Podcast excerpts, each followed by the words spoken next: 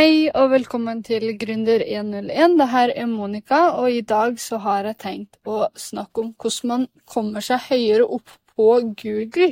For det er jo veldig mange bedrifter her ute som konkurrerer og komme seg høyest mulig på topp på Google.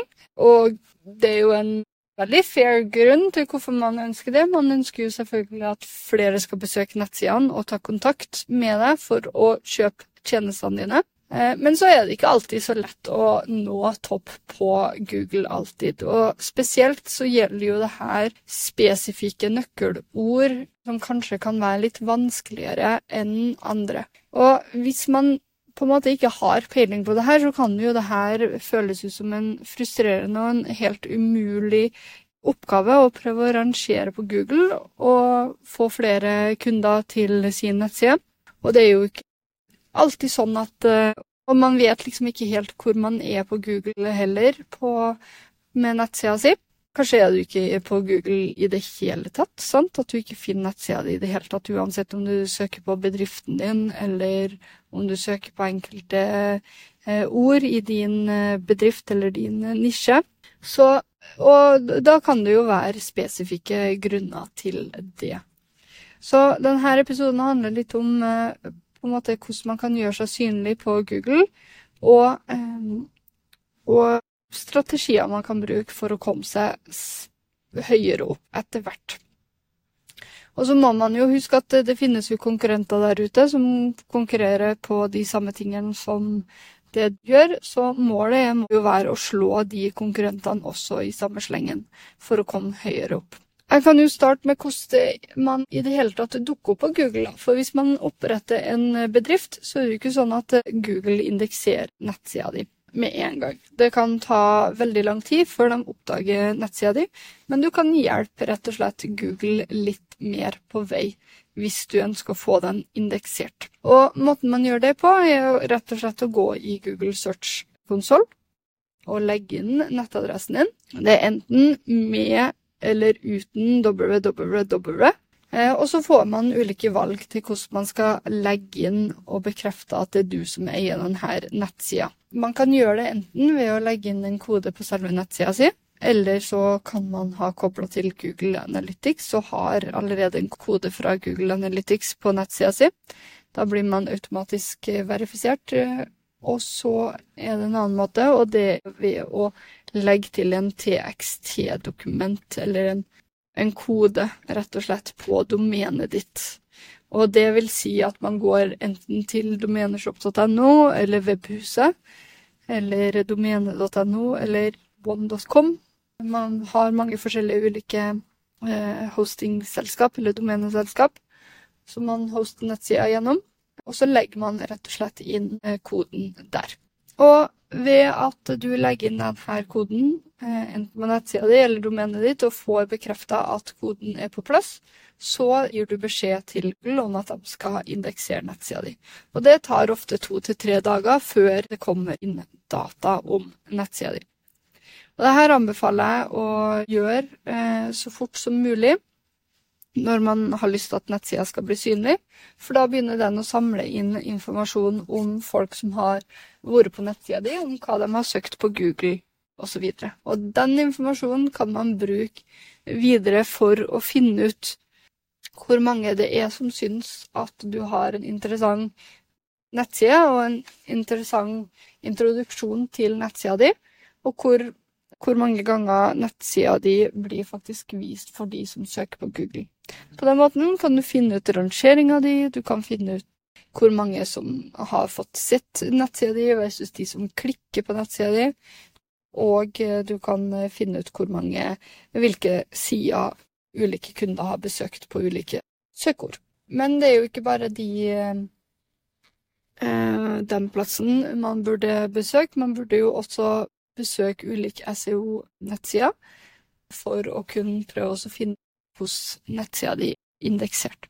Og det er jo gjennom de her eh, verktøyene at man kan prøve å finne ut rangeringa på nettsida si, og så kan man få inn forslag på andre nøkkelord man burde prøve å nå i sammenslengen. Det er veldig mange betalte løsninger der ute. Men man kan også bruke Google eh, sin eh, keyword planner hvis man har lyst, å, har lyst til å finne ut av trenden til ulike søkeord eh, gratis der. Så går det jo på eh, hvordan man skal prøve å rangere på de her søkeordene når man har faktisk funnet de her søkeordene. Eh, ofte så har jeg villet prøvd å først og fremst funnet sånn ca. 50-100 søkeord jeg ville ha prøvd å rangere på, for å kunne ha et vidt spekter av søkeord som du kan prøve å nå. Det betyr ikke nødvendigvis at du når topp ti på alle de søkeordene, men det kan være lurt å prøve å nå nærmest opp på de fleste, eller så mange som du har mulighet til å nå på.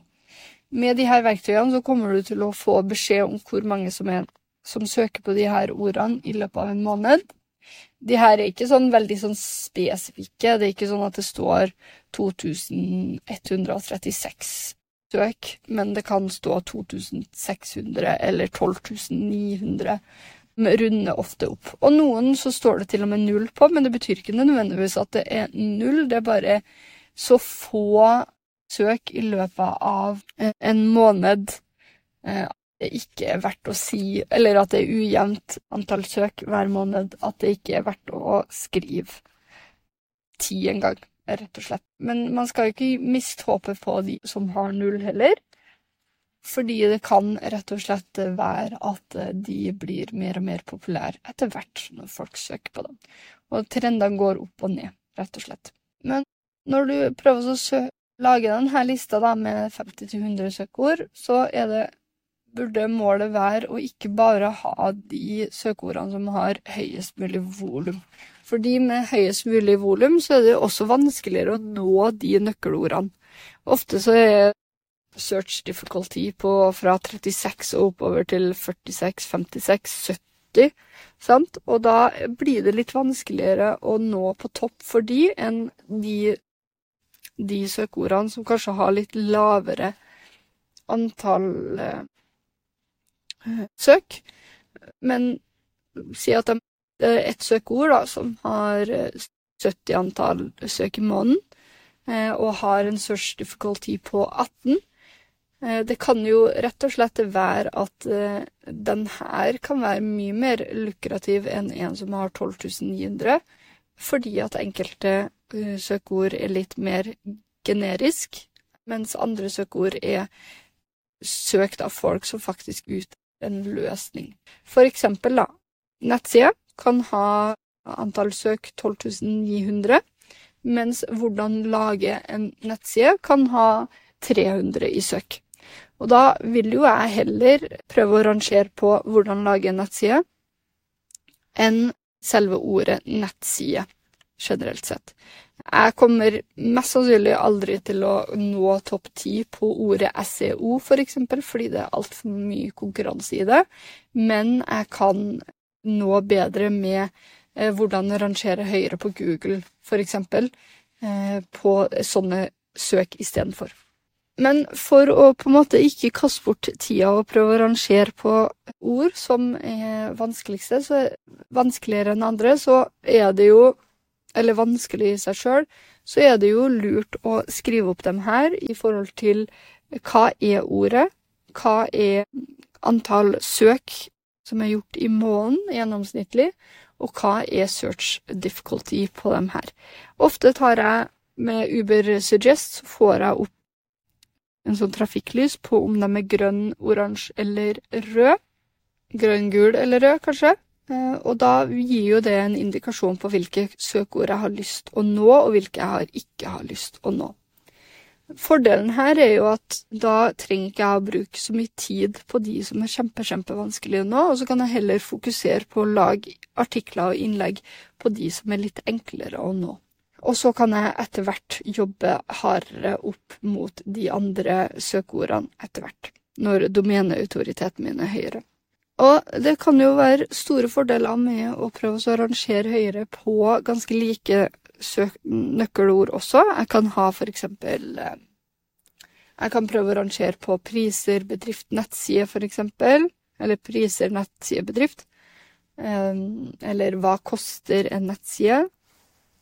Eller nettside liten bedrift. Alle de kan jeg prøve å nå på topp én på, på søkeord. Og ved å kun rangere nummer én eller to på de her søkeordene, så kan det være at jeg får en del gratis trafikk um, på sida mi som jeg ikke trenger å betale for. For jeg kjører jo Google Ads også, og det kan være en del kostbart å kjøre de her Google Adsene med enkelte søkeord, fordi det er så mange som har lyst å rangere, posisjonere seg på de her søkeordene. Og da kan det være en fordel å rangere på topp med det her organiske istedenfor, for å få en del eh, bedrifter eh, interessert i det jeg har å tilby, uten at jeg trenger nødvendigvis å betale for det. For jeg har Hvis jeg tar noen av de søkeordene jeg har lagt inn på Google Ads nå, så har jo jeg veldig mange av de her nøkkelordene som jeg rampa opp i stad. Og alle de her nøkkelordene de har en kast per klikk på sånn ca. 100-150 kroner. Det er jo ikke sånn at alle som klikker på annonsene mine, er en konverterende kunde. Eh, det er veldig mange som klikker på annonsen som egentlig ikke skulle ha vært der, eh, som jeg betaler unødvendig for. Hvor du ser at average time er null sekunder på nettsida di. Veldig kjipt å bruke 150 kroner på de, eksempel. Så man må liksom ha en høyere volum på de folkene som eh, klikker på annonsene dine for at du skal tjene for at du skal kun få en konverterende kunde. Så kanskje trenger jeg 20 stykker da, for å få en konverterende kunde fra adsene mine. Og det blir jo automatisk da 2000 kroner jeg må ut med for å få en konverterende kunde. Kanskje er det 100 stykker jeg må ha, og da blir jo det 20 000 for å få en konverterende kunde. Hvis jeg på en måte når høyt organisk på ganske mange av de her søkeordene som jeg egentlig uansett hadde lagt inn på Google Ads, så kunne jeg jo kanskje ha redusert eh, antall nøkkelord jeg har lyst til å kjøre ads på, eller jeg kunne rett og slett ha fjerna adsene generelt sett, fordi at jeg får en del organiske kunder inn på sida mi. For eksempel, så hvis folk lurer på om de skal bruke Vips eller Stripe, så kommer jeg opp som en av de første bedriftene på de søkeordene og får en del organiske, organiske treff der. Som på en måte gjør til at jeg kanskje ikke trenger å lage en annonse for Stripe versus Vips, eller trenger du en Vips-integrasjon? Fordi at de får den informasjonen gjennom Eh, den organiske. Og så kan det jo være at hvis jeg kjører f.eks. en eh, Google eh, Ads-kampanje på Vips og Stripe-nøkkelordene, så kan det jo rett og slett være at jeg får en del unødvendige klikk, fordi de er jo ikke egentlig opptatt av å komme på min nettside og lese min artikkel om hva er forskjellen på Stripe og Vips. Det kan jo rett og slett være at de er mer interessert i å komme inn på Stripe-nettsida eller på vips nettsida og så går de like fort ut av min nettside for å komme til den riktige nettsida de er ute etter. Så ved å rangere nummer topp der, så har jeg spart meg de kostnadene som jeg kanskje har måttet ut med ved feilaktige klikk, blant annet.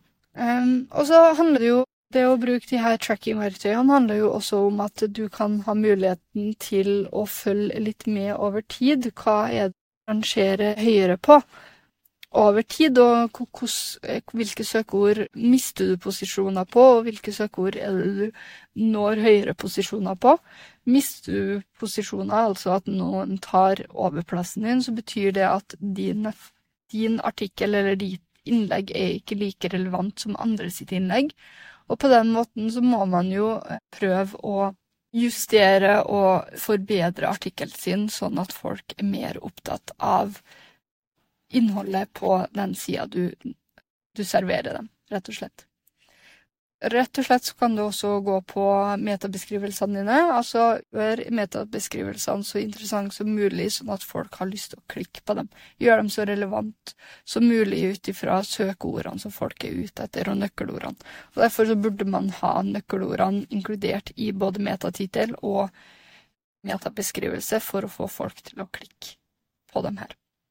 Og så handler det rett og slett eh, Noen ganger så handler det ikke bare om å gjøre de her metabeskrivelsene, metatitlene, interessante nok, eller å lage en artikkel som er god med eh, nok meta... Hva jeg skal si? Prøve på nytt. Noen ganger så er det ikke mulig å komme seg høyere på rangeringslista på Google, selv om man har naila metabeskrivelse eller metatittel, eller man har akkurat perfekt antall ganger eh, nøkkelordet i teksten sin, eller at eh, teksten din er superbra. Noen ganger er ikke alle disse tingene nok. Noen ganger så handler det rett og slett om domeneautoriteten til nettstedet ditt også. Og nett, domeneautoriteten til nettstedet ditt blir bedre over tid, basert på hvor, hvor lenge du har vært i gamet, og hvor ofte du har publisert. Konsekvent publisering på nettstedet, nettstedet gir deg en høyere domeneautoritet enn om du bare publiserer i ny og ned. Så det å planlegge publiseringer og lage artikler i bulk, det er lurt. For så å spe dem utover. Eh, men i tillegg så er det lurt å følge litt med på de sidene man har publisert på Google også, at de, alle sidene er relevant, og at alle sidene er gode nok for Google til at eh, domeneautoriteten din går oppover. Ta så Prøv å ikke indeksere sider som ikke er nødvendig. For eksempel så har jeg en takkside. Den er ikke nødvendig å indeksere på Google i det hele tatt, så derfor så har jeg gjennom Yoast-pluginen min tatt og huka for eh, no index eller no follow på den her, eh, sånn at folk ikke ser denne sida når de søker på ja, Exuma på Google, eksempel. Og ved å fjerne denne sida fra, eh, fra liksom bassenget med alle de sidene som Google har indeksert, så blir automatisk domeneautoriteten min høyere. Fordi at det jeg fjerner på en måte sider som ikke er relevant for Google å vise på, på sin søkemotor. Det setter Google veldig stor pris på, for de har jo ikke lyst til å seg ut foran folk. Um, I tillegg så er det jo lurt å passe på å sjekke hvem er det som har gitt deg backlinks på nettsida di. Det er alltid noen som har referert til det. Og det å sjekke domeneautoriteten til de her backlinksene kan også være med på å gi deg en høyere domeneautoritet. Det trenger ikke nødvendigvis å være alltid sånn. Jeg har eh, sjekka mine backlinks, og veldig mange av dem helt eh, helt innafor og gode. Men så har jeg hatt en, noen som er sånne spam-sider, som jeg ikke liker, eh, og som tydelig er merka at det her er spam-sider, hvor de har dårlig autoritet, og Google har flagga dem som at det her er ikke gode sider. Og det får jeg beskjed om gjennom Ubersuggest-verktøyet mitt. Og man har mulighet til å fjerne de her eh, sidene om du har én eller to som refererer til deg, så har det ikke noe å si, og rett og slett noen ganger så kan det også være at det har positivt å si, fordi de har, selv om de er flagga som negativ, så kan det være, eller spam, så kan det være at de har en høy domeneautoritet før de ble flagga som spam. Så ved å eh, fjerne de her, så kan det også rett og slett noen ganger gå utover domeneautoriteten din. Men jeg har likevel fjerna dem her, uansett om domeneautoriteten min har gått, eh, gått ned.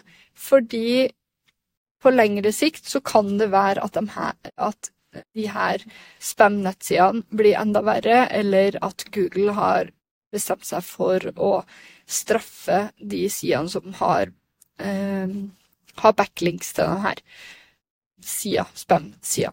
Og ved at jeg fjerner og sier at de her får ikke lov til å følge meg eller gi backlinks til meg, så på en måte signaliserer jeg til Google at jeg godkjenner ikke at denne nettsida linker til meg, og at jeg anerkjenner at dette er en spam-nettside som jeg ikke vil ha assosieres med. Litt sånn der uh, accomplice in crime, sant? At man ikke skal være medskyldig i noe. Eh, men når vi snakker om backlinks og sånn, eh, så er det jo Målet burde jo være etter hvert å få flere backlinks også. Det vil si at folk skal eh, linke til det. Andre nettsider skal linke til det, sosiale medier skal linke til det, og ved at flere linker til deg og dine sider, så blir det her eh, Så vil du få en høyere domeneautoritet fordi at det er så mange som har referert til det. Eh, jo, Google driver jo og tagger nettsidene med ulike nisjer og businesser og sånne ting, og industrier. Sånn at min nettside, selv om den heter Exuma, så kan det jo være at så vil det jo mest sannsynlig være sånn at Google har fremdeles tagga meg som en IT-nettside, og ikke en TripAdvisor-nettside, liksom.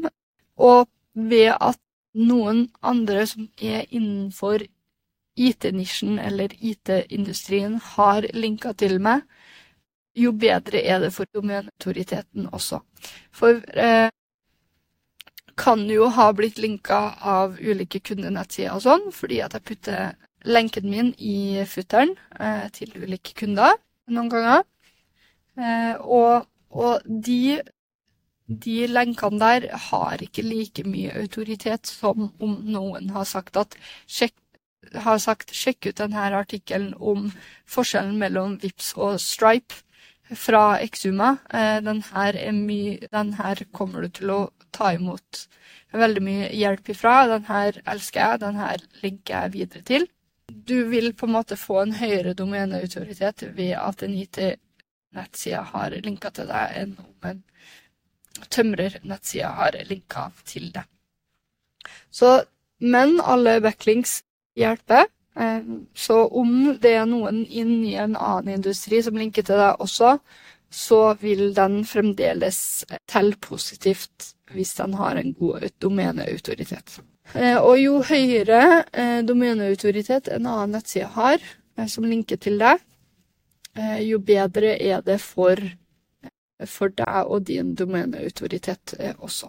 Og jo høyere sannsynlighet er det for at når høyere på Google på de ulike nøkkelordene hvis noen har backlinka eh, til deg og har det nøkkelordet referert i den linken som er til nettsida di.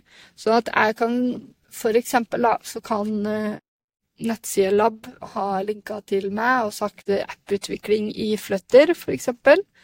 Hvis de har linka til min underside som handler om apputvikling i Flutter, og skrevet akkurat det, det nøkkelordet, apputvikling, i Flutter, så vil jeg nå høyere på Google med akkurat det søkeordet, fordi at nettsida Lab har brukt akkurat den frasen i eh, sin linking til meg. Og det her kan jo være positivt og lage sånne ulike samarbeid mellom ulike eh, partnere, ulike nisjer. Si at du er i hudpleie, da, og så er det jo innforstått at du kan jo ikke eh, pleie alle sin hud. Eh, noen ganger så Du anerkjenner jo mest sannsynlig at, at andre folk er innenfor denne eh, industrien, og at andre har kunder, dem også. Kanskje kan man ha et samarbeid hvor man backer hverandre opp på nettsida ved å få en høyere domeneautoritet sammen, f.eks. Eller at man går sammen som en femmergruppe og bygger opp nettsidene til hverandre ved å linke til hverandre i blogginnlegget. Og på denne måten så vil man nå høyere på Google i de her eh, søkeordene, rett og slett. Eh, og så kan det jo være at eh, hvis du ikke vil på en måte ha et sånn her samarbeid med folk fra Stavanger, da, for eksempel, så kan det jo være at du, du kan prøve å skaffe deg samarbeid med noen fra eh, Bergen, eller fra Molde, eller fra Oslo, eller fra eh, andre, andre steder i landet, for å gjøre det enklere og passe på at det her ikke går utover deg eh, lokalt på Google. Og sist, men ikke minst, så vil jeg bare apropos lokalt, så har folk også fått en del positiv erfaring med å på en måte lage blogginnlegg eller sider som handler om lokasjonen du befinner deg i. Så for eksempel så er jeg en webutviklingsfirma i, og jeg er bosatt i Asker, så hvis jeg har laga nettside for bedrifter i Asker, eller lager nettside Asker, hvis jeg prøver å indeksere mot de ordene selv om folk ikke søker akkurat på å lage nettside Asker, det at de bare søker på å lage nettside, og de befinner seg i Asker samtidig som de søker på det, eh, så kan de få opp min nettside fordi at jeg targeter lager nettside i Asker. Så det å lage en sånn samleside som handler om og det å lage nettside, men at, at det her handler også om Asker, og at man bruker Asker som nøkkelord kan gjøre at du synes på lokale søk for folk i nærområdet, som også kan være veldig lurt eh, å targete. Den er god. Da avslutter jeg her. Tusen takk for at du hørte på, og så høres vi i neste episode. Så må jeg bare si godt nyttår til alle sammen som lytter til. Det har jeg ikke sagt ennå, så jeg benytter sjansen til å si godt nyttår denne gangen. På gjensyn. Ha det!